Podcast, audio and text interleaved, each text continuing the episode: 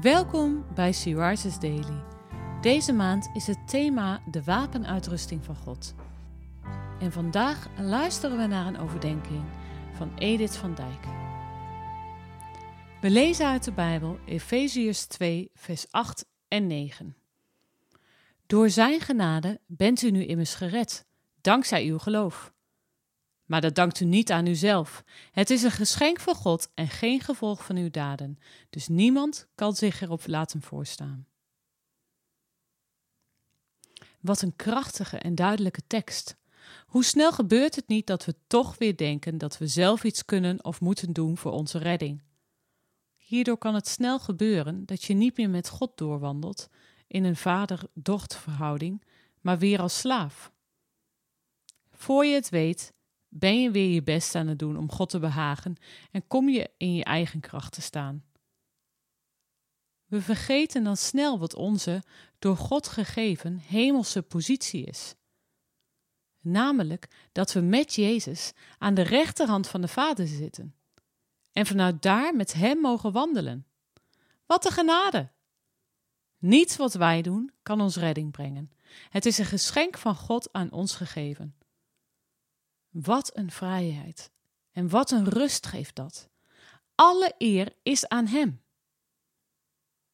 Gebeurt het bij jou vaak dat je steeds weer in presteren of eigen kracht komt? Pak deze teksten dan weer bij en besef dat het God en God alleen is die ons redt.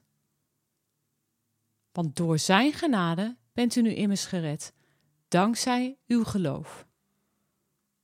Wauw, Zoveel houdt Hij van ons. Je bent geliefd, lieve zus. Herken je het dat je het gevoel hebt dat je iets moet doen om gered te zijn? Kan jij Gods genade accepteren?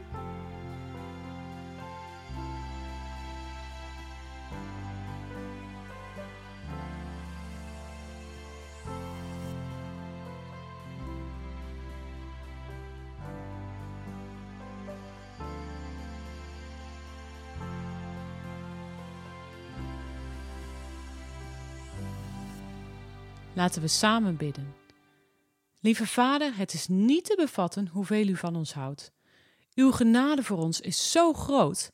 Het laat mijn hart overstromen van dankbaarheid. Dank u wel dat u ons uw geliefde dochters heeft gemaakt en we zo met u mogen wandelen. Amen. Je luisterde naar een podcast van Sea Rises. Sea Rises is een platform dat vrouwen wil bemoedigen en inspireren in hun relatie met God.